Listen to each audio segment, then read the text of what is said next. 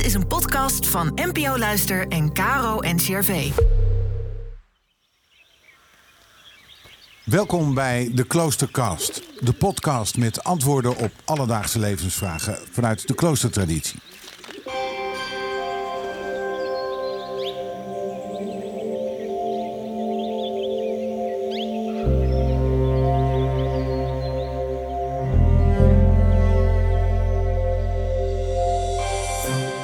Zuster Monica Raze is canonicus van het Heilig Graf, een kloosterorde die leeft volgens de regel van Augustinus. In deze podcast geeft zij antwoord op de vraag: wat zegt je kleding over jou?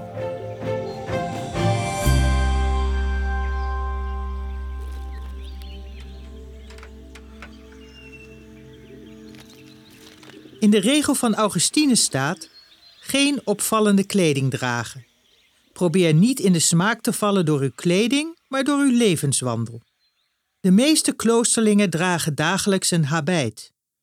Het woord habit komt van habitus, hetgeen gewoonte betekent. Het lijkt alsof iedereen precies hetzelfde draagt, maar schijn bedriegt, want soms zie je kleine verschillen. In de tijd dat ik in priorij Emmaus in Maarsen woonde, droegen wij allemaal een habit. Maar bijvoorbeeld de kraag of de wijze van vastmaken van de riem verschilde iets van elkaar. En uiteraard droeg niet iedereen dezelfde schoenen. Maar dat habit is slechts het uiterlijk. Het gaat erom wie jij bent als mens, met of zonder habit.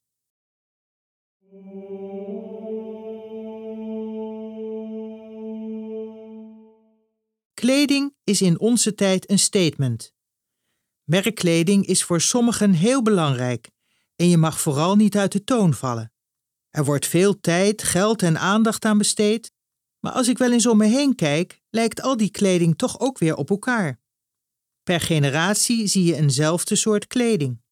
Als je jong bent, is het vaak moeilijk je te onttrekken aan de kledingregels, want als je niet meedoet, dan val je al snel buiten de groep.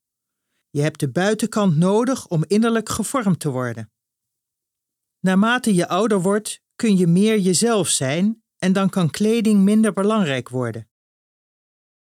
Toch valt het mij altijd weer op hoeveel aandacht er is voor de outfit van leden van het Koninklijk Huis, van stijliconen en andere bekende figuren.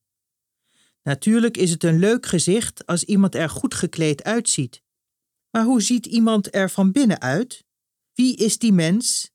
Wat beweegt hem of haar? En ook de vraag aan onszelf wie wil ik zijn zonder die kleding? En ben ik dat ook? Of gebruik ik deze kleding om mezelf te zijn? Kleding kan behulpzaam zijn in een functie die je uitoefent. Een agent, een piloot, een automonteur, ze dragen een uniform om herkend te worden of ter bescherming van eigen kleding.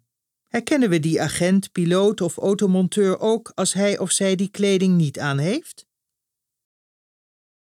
Zelf draag ik nog regelmatig een habit, omdat ik nog steeds lid ben van een religieuze orde. Maar ook als ik het habit niet draag, word ik herkend. En daar ben ik blij om, want ik ben niet mijn habit. Dat geldt voor ieder die kleding draagt. Ben ik mijzelf of ben ik mijn kleding?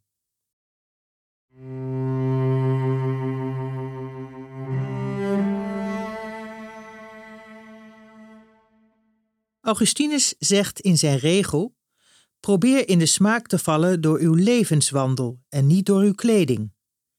Dat betekent dus dat de eerste indruk die ik maak bij binnenkomst niet bepaald zou moeten worden door mijn kleding, maar door mijn persoonlijkheid. Als je kleding je persoonlijkheid ondersteunt, is dat heel mooi. Is wat je draagt passend bij jou als mens? Heb je je kledingkeuze laten bepalen door anderen of heb je kleding aan die je een bepaalde mate van zekerheid moet geven, die je eigenlijk van nature niet hebt? Dat zijn vragen die je jezelf telkens kunt stellen als je voor de spiegel staat. Een habit is zo gek nog niet hoor, je hoeft je niet steeds af te vragen: wat zal ik aandoen? Maar ik begrijp dat het leven kleurrijker wordt met de juiste kleding.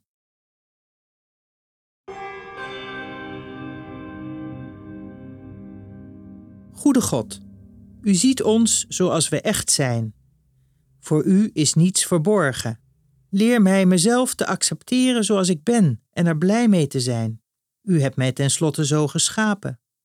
Wil mij nabij zijn als ik twijfel en geef mij de zelfkennis die ik nodig heb, vandaag en alle dagen van mijn leven. Amen.